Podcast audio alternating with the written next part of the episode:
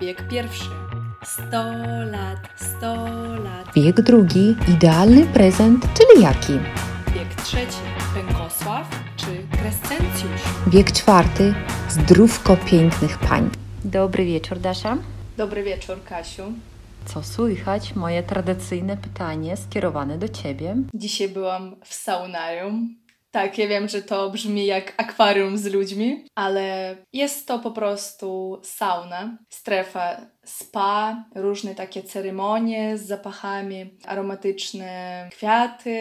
Wszystko najlepsze dla naszego ciała i umysłu. To jest y, jakiś aquapark? We wrocławskim akwaparku też jest y, saunarium, bardzo dobre, ale w tym, w którym byłam, ono się znajduje przy obwodnicy już, tam jest nie ludzi, to jest tylko wyłącznie e, saunarium. W ogóle jedna godzina kosztuje 30 zł. Na jedną osobę, tak? Tak, dwie godziny 50 zł, ale dzięki temu, że ja mam umowę o pracę, ja mam taką kartę Multisport, która mi pozwala korzystać prawie ze wszystkich fitness klubów, e, z różnych siłowni i e, takiego spa na przykład i saun. Czyli to e, masz takie przywileje dzięki pracy, tak? Tak, tak. Y, Ja płacę określoną kwotę, mogę do tego dołączyć drugą osobę. Jak ktoś lubi ćwiczyć i, i relaksować się i ma umowę o pracę, to warto wydać trochę pieniędzy na kartę Multisport. No to się zgadzam, bo inwestujesz jakby w swoje zdrowie, tak? W swój taki czas wolny, spędzony aktywnie i tak zdrowo. To udasz te tańce bociano, o których mówiłeś e, zeszłego razu, to też e, wchodzą w tę kartę?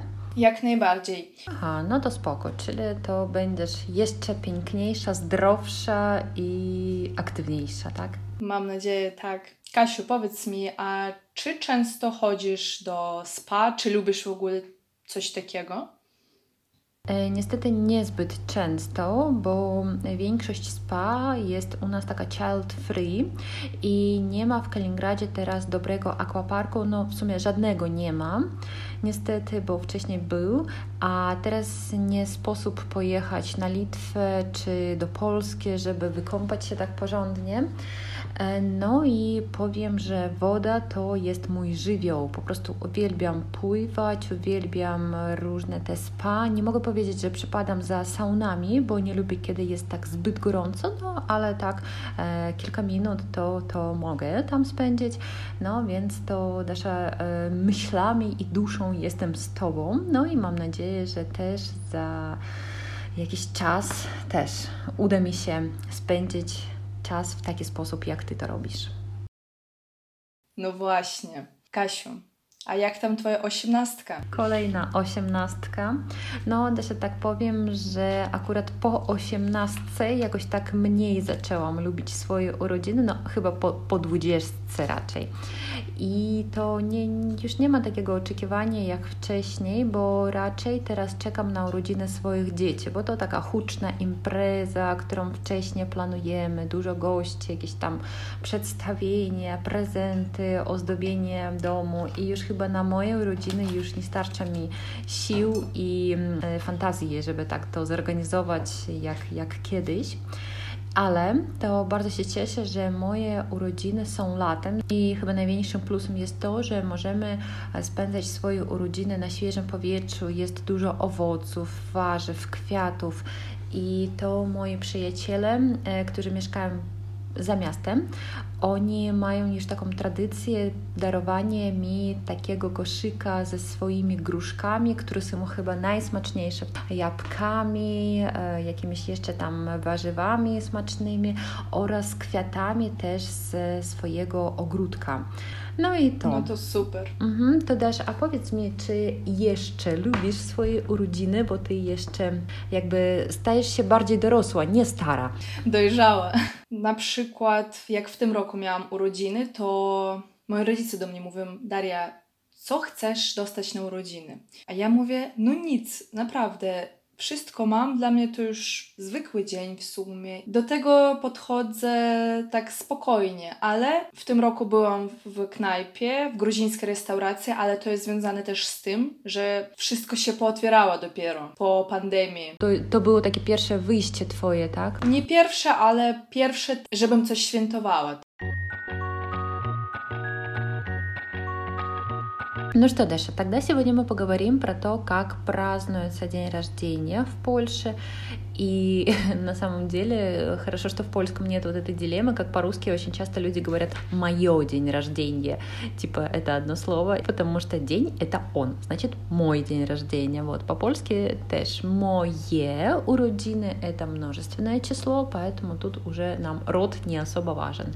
«Moje urodziny», «osiemnaste urodziny», «wesołe urodziny» zawsze есть końcówka «e». Если вы хотите точно перевести день рождения, то это будет день urodzenia. Mhm. Lub data urodzenia, jeśli chodzi o jakieś dokumenty. No, тема дат, тема месяцев — это тоже такой отдельный разговор. Сегодня мы поговорим именно про такие традиции, про то, что в Польше, может быть, немножко отличаются от российских традиций. Даш, скажи, пожалуйста, а в Польше ты вообще была на днях рождениях у своих друзей? Конечно, я очень много раз была на уродинах моих przyjaciół. Первый день рождения праздновал мой друг из учельни, с университета. Мы сделали ему торт. Компания наша состояла из нескольких человек. Мы все пошли на кренгле. Кренгле — это... Боулинг.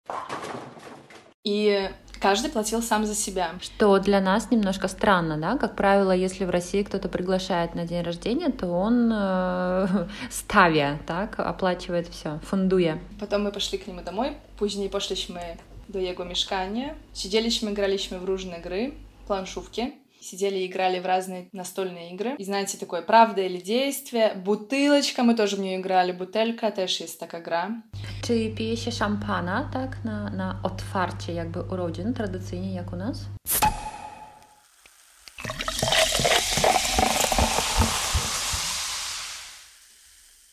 Taki przypadek spotkałam może jeden raz. Один раз, может быть, был такой случай, чтобы кто-то пил шампанское на день рождения. To raczej na Sylwestra, tak, się pije? На Сильвестра и это тоже ciekawostka, что поляки пьют советское игристое, российskiego szampana. Советское игристое, оно дешевое. A czy można kupić go w Polsce, tak po prostu? Tak, są nawet skrzynie szampana stoją normalnie w żabce. Ящики шампанского стоят в żabке, в бедре. Czyli to, to nie jest jakiś przemyt, да? То есть это не какая-то контрабанда, это нормально в магазинах продается? Нормально, да. За 10 злотых иногда дешевле можно купить. Даша, и jak ten торт smakował i понравился ли имениннику ваш торт? В Польше мы тогда ему сделали торт из маскарпоне з dodatkiem żelatyny. A Dasz, czy to się nazywało ciasto, czy tort raczej? No właśnie, to było raczej ciasto, tak. Mhm.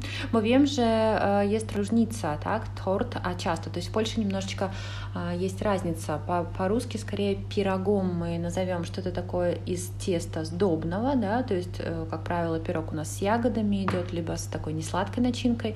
Тортом мы назовем все, что такое более кремовое, бисквитное, а в Польше и это тоже может быть часто пирог. Да. Почему я назвала это тортом? Потому что мы туда свечки поставили. Ага. И как знаешь, праздничный торт. Мы ему пели «Сто лет», самая популярная песенка, которая поется на уродины в Польsce. Сто лет, сто лет, niech żyje, żyje nam. Сто лет, сто лет, niech żyje, żyje nam. Jeszcze raz, jeszcze raz, niech żyje, żyje nam.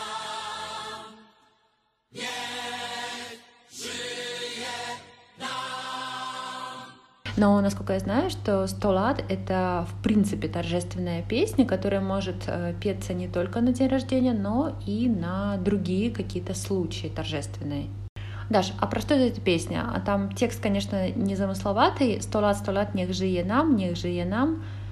И как, как бы мы ее могли перевести? Живи еще сто лет.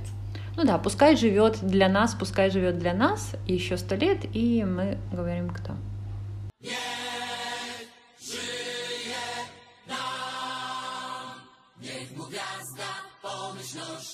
nigdy nie zagaśnie, nigdy nie zagaśnie.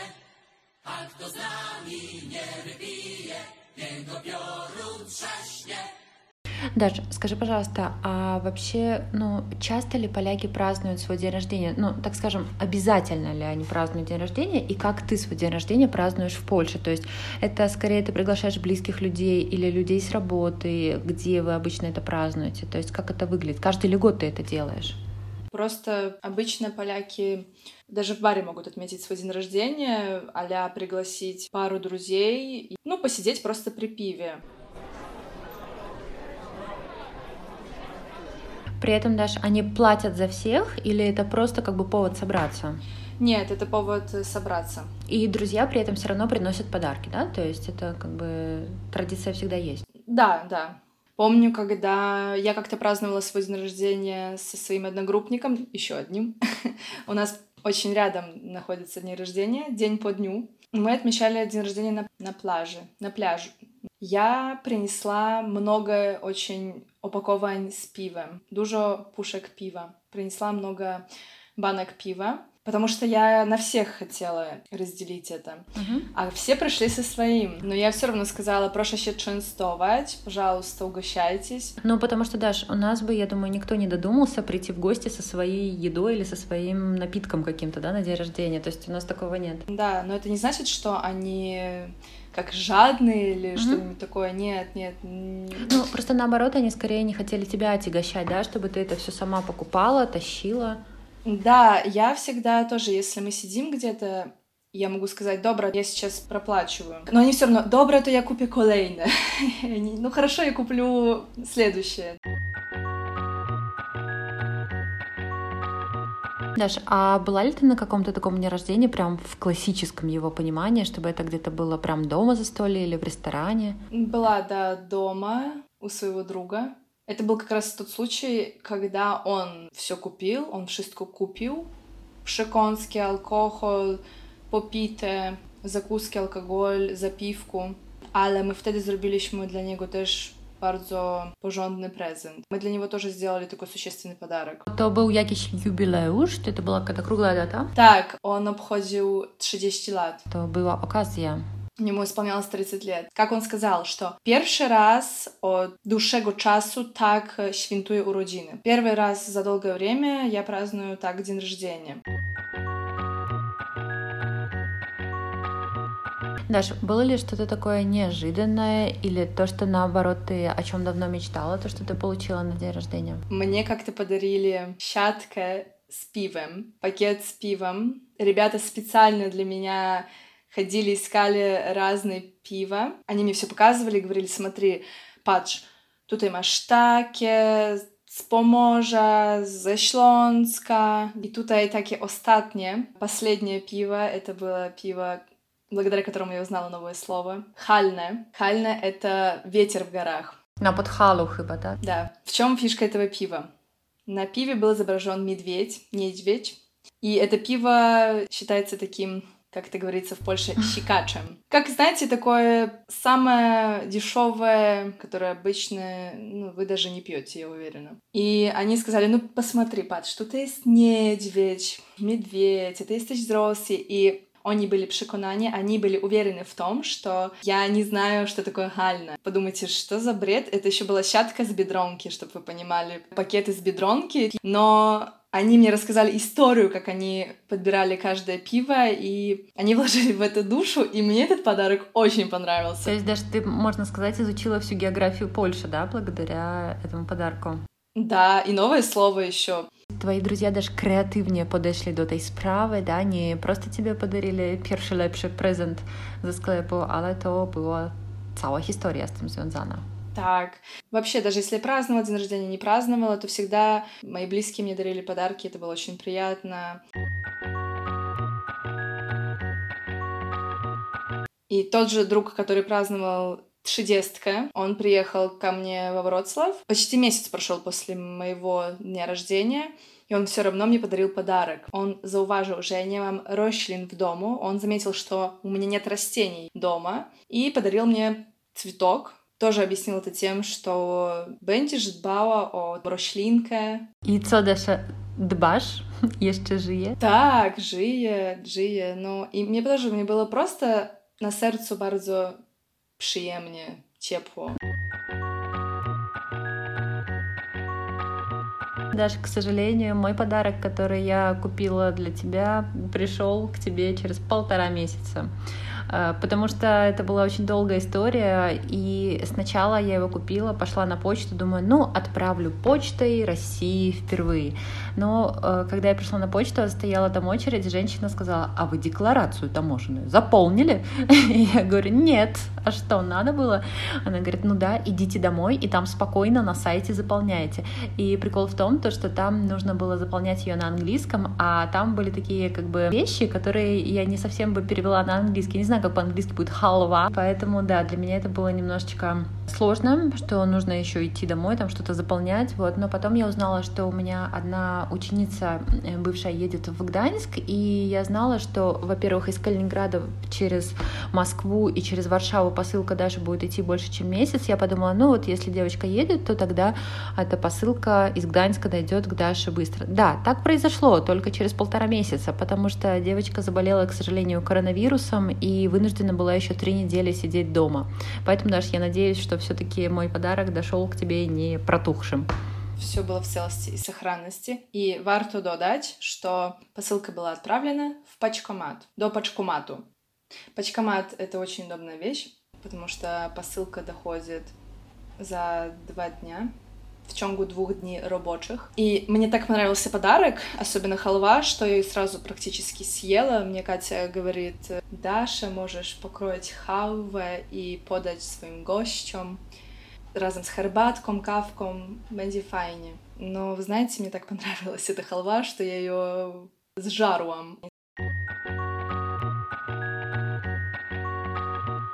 Даша, а скажи, пожалуйста, ты работала в таком магазине, працевала в таком склепе, а, в котором, я думаю, прежде всего люди покупают подарки, да, то есть магазин, а, в котором можно было купить э, какие-то именно вещи для быта, ну, в плане для, для, для декора, дома. для дома, да. Даша, скажи, пожалуйста, какой у тебя был топ просто подарков, которые люди покупали на день рождения в Польше? Если им нужно было быстро купить что-то, szybko coś kupić, например, jutro koleżanka ma urodziny, albo za dwie godziny idę na urodziny, zapomniałam kupić prezent. Иду на день рождения, через два часа забыла купить подарок. Ну и таким топом это была кружка. Они были в красивых упаковках. Ну и вообще они очень красивые, такие. Каждый бы обрадовался, я думаю, такому подарку. Это было запаковано ładnie, ze wstążkami. I do tego można zawsze kupić herbatkę, jakieś czekoladki, to też już ładny taki zestaw będzie. Tak, i pamiątka.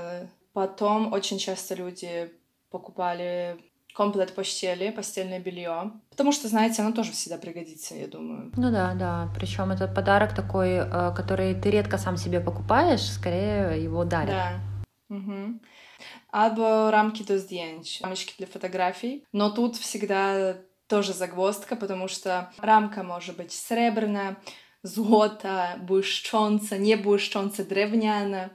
Поэтому я всегда говорю, а яки wnętrze ma pani koleżanka? Потому что если подбирать что-то к интерьеру, я думаю, это уже сложнее. Если ты ходишь в гости к этому человеку или, например, ты примерно понимаешь, что ему нравится, то да. Но иногда, да, бывают такие подарки, которые, к сожалению, потом хранятся где-то там на полках. Нетрофёны. Да, нетрофёный презент. Э, но э, nietrafione prezenty też myślę, że to osobny temat, ponieważ no, sporo bywa takich rzeczy nie bardzo e, trafnych.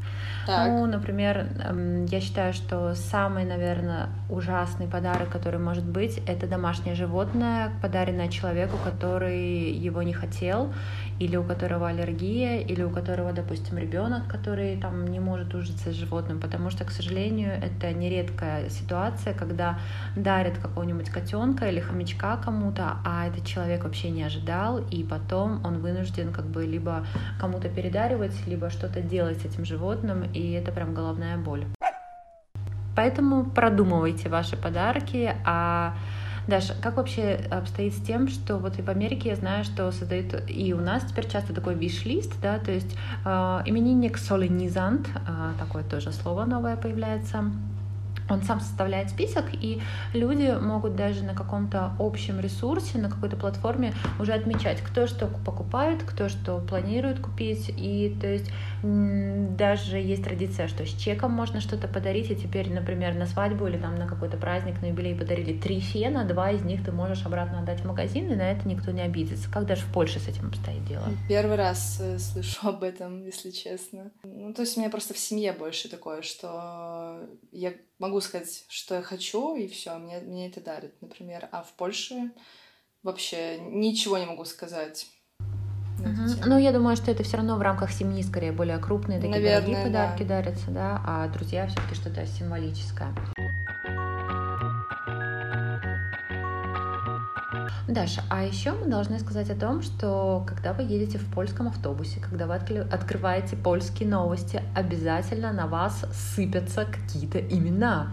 Потому что в Польше, помимо дня рождения, уродин празднуются именины. Даш, что такое именины и почему они так важны для поляков? Именины — это день рождения вашего имени. Именины это получается День Ангела, и именины празднуются ближайшие к вашему дню рождения. То есть, например, у вас имя довольно распространенное, ну, например, там, не знаю, Анна, Катажина, и их может быть несколько в году. Выбираются те именины, которые э, после вашего дня рождения самые первые. То есть, например, у вас день рождения там 5 февраля, а именины могут быть, там, не знаю, 20 марта, первые, которые произошли после вашего дня рождения. И поэтому вот бегущей строкой в транспорте или еще где-то там в СМИ всегда идет перечень тех имен, у кого сегодня день. Например, на сегодня мы открыли календарь, и сегодня именины празднуют Аристарх, Франчишек, Фредерик, Ян, Юстин, Кресценциуш, Crescens, Crescenty, Maria, Mironiek, Perpetua, Pęcisław, Pęcisława, Penkosław, Прокоп, Райнер, не путайте с авиакомпанией Райнер, Тертульян и Тертульяна. Даша, какое бы ты имя выбрала для своего ребенка в будущем? Скажи мне. Из этого угу. перечня. Конечно, Даша, из этих. Представь, что у тебя сегодня родился ребенок, как ты его называешь? Из этого прекрасного перечня имен я бы выбрала имя Ян. Ага, чтобы было меньше вопросов. Все вот эти имена, которые ты произнесла, из них, с которыми я встречалась, это Ян и Мария. Что, Даша, ты даже ни одного Пенкосвала не знаешь, а напоминаем, что пенкач — это лопаться. Перпетуа для меня звучит как парапетува. Новоселье. Некоторые именины, они э, являются, ну, как бы всем известным, потому что это праздник. Например, есть праздник Анджейки или Катажинки. Но Анджейки более популярные, э, потому что в этот день гадают на суженого. Он осенью проходит, и это такой день гаданий, можно сказать. Миколайки, Даша, это не только аквапарк, а что еще? Миколайки 6 грудня, 6 декабря. Миколай приходит ко всем детям. Это аналог нашего Деда Мороза, потому что в Польше дети получают подарки в основном не на Новый год, а именно на Миколайки. И на гвяздка. Гвяздка — это вигиля. Сочельник перед э, Рождеством. Ну, также тот же Новый год, получается, что 1 января по-польски это Новый рок, а вот 31 декабря по-польски называется... Сильвестр. Почему? Потому что это тоже день Świętego Сильвестра. И от этого слова тоже образованы прилагательные, например, сильвестровый, то есть уже с этим э, именем, с, со святым даже мы его не ассоциируем, но при этом вот это все равно имя. На первом курсе, помню, мы сидели в столовце с одногруппниками, сидели в столовой. Это было перед Новым годом, и они обсуждали, где они идут на Сильвестра. Я не понимала, какому Сильвестру они идут. И они говорят, Дарья, а где ты идешь на Сильвестра? А я, на Сильвестра? Жицо. Ну, жицо. Но я поняла, в принципе, что это Новый год. Я говорю, Новый рок? И, ну, для меня это было вообще, типа... Зачем отдельное название, да, разделять эти два дня, когда это один и тот же праздник? Ну, да, то есть импреза Сильвестрова — это 31 декабря. Но имя Сильвестр, да, оно тоже есть.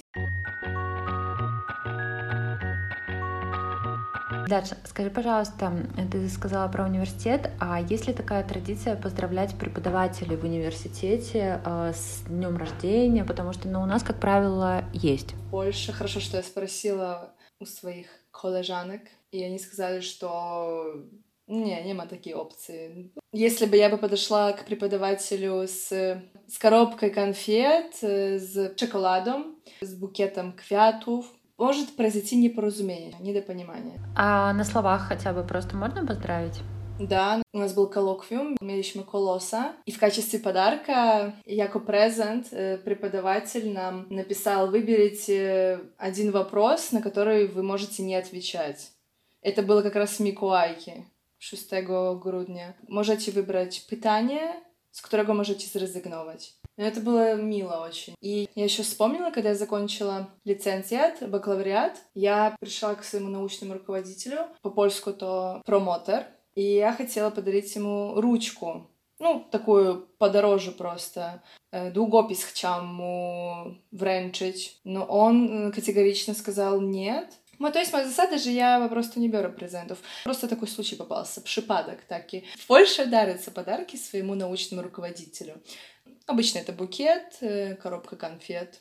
Ну, то есть что-то символическое, да, то есть как у нас рассказывают, что прям составляются целые списки, кому купить сковородку, кому купить э, сетку, рабицу на огород, такого нет, да? Не, не, нет, zupełnie. Э, ну, я ничего не могу сказать по этому поводу, потому что я хоть и проработала пять лет, но у меня день рождения летом приходится на каникулы, поэтому я этой традиции на себе не испытала и подарков не получала, поэтому мне не приходилось как бы не отказывать, не, не получать, вот, поэтому да.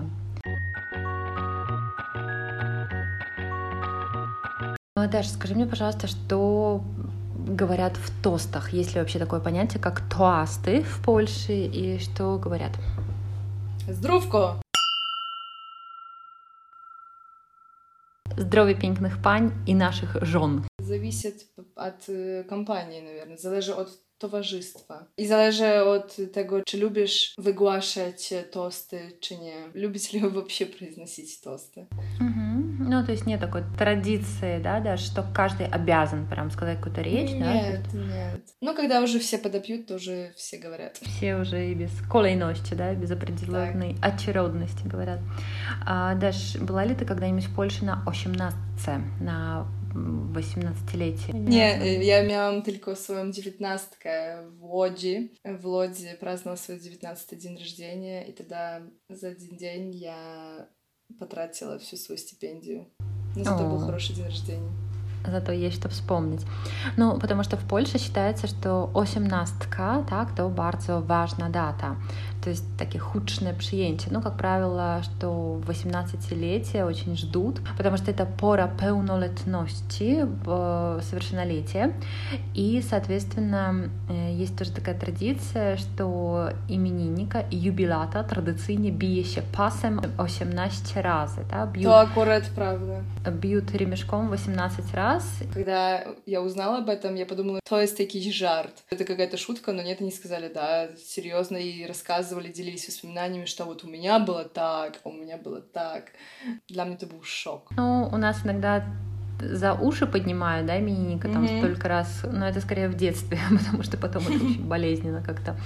А, но тоже э, я нашла информацию, что в разных странах по-разному это все проходит. Например, w Kanadzie, w Kanadzie podczas urodzin należy być przygotowanym na posmarowanie nosa masłem.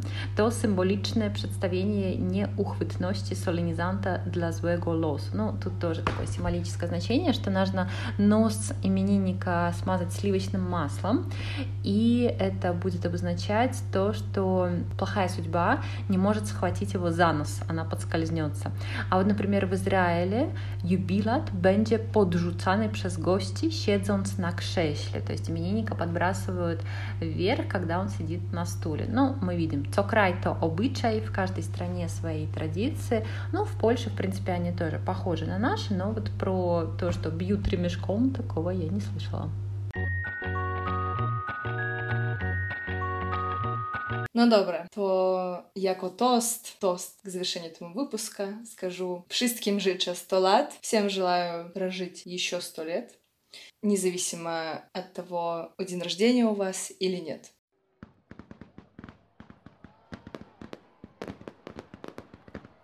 To życzymy wszystkim szampańskiego nastroju, wesołych dni i uśmiechu na twarzy. Желаем всем веселого настроения и улыбки на лице. To jest pora zadmuchać świeczki i wymyślić najskrytsze życzenie. Время задуть свечки и загадать самое сокровенное желание.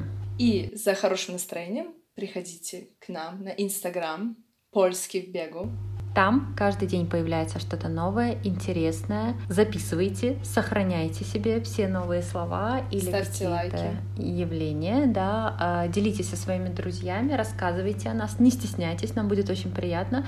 А также пишите нам, мы всегда рады обратной связи. До услышания за тыдень. Па-па! На разе!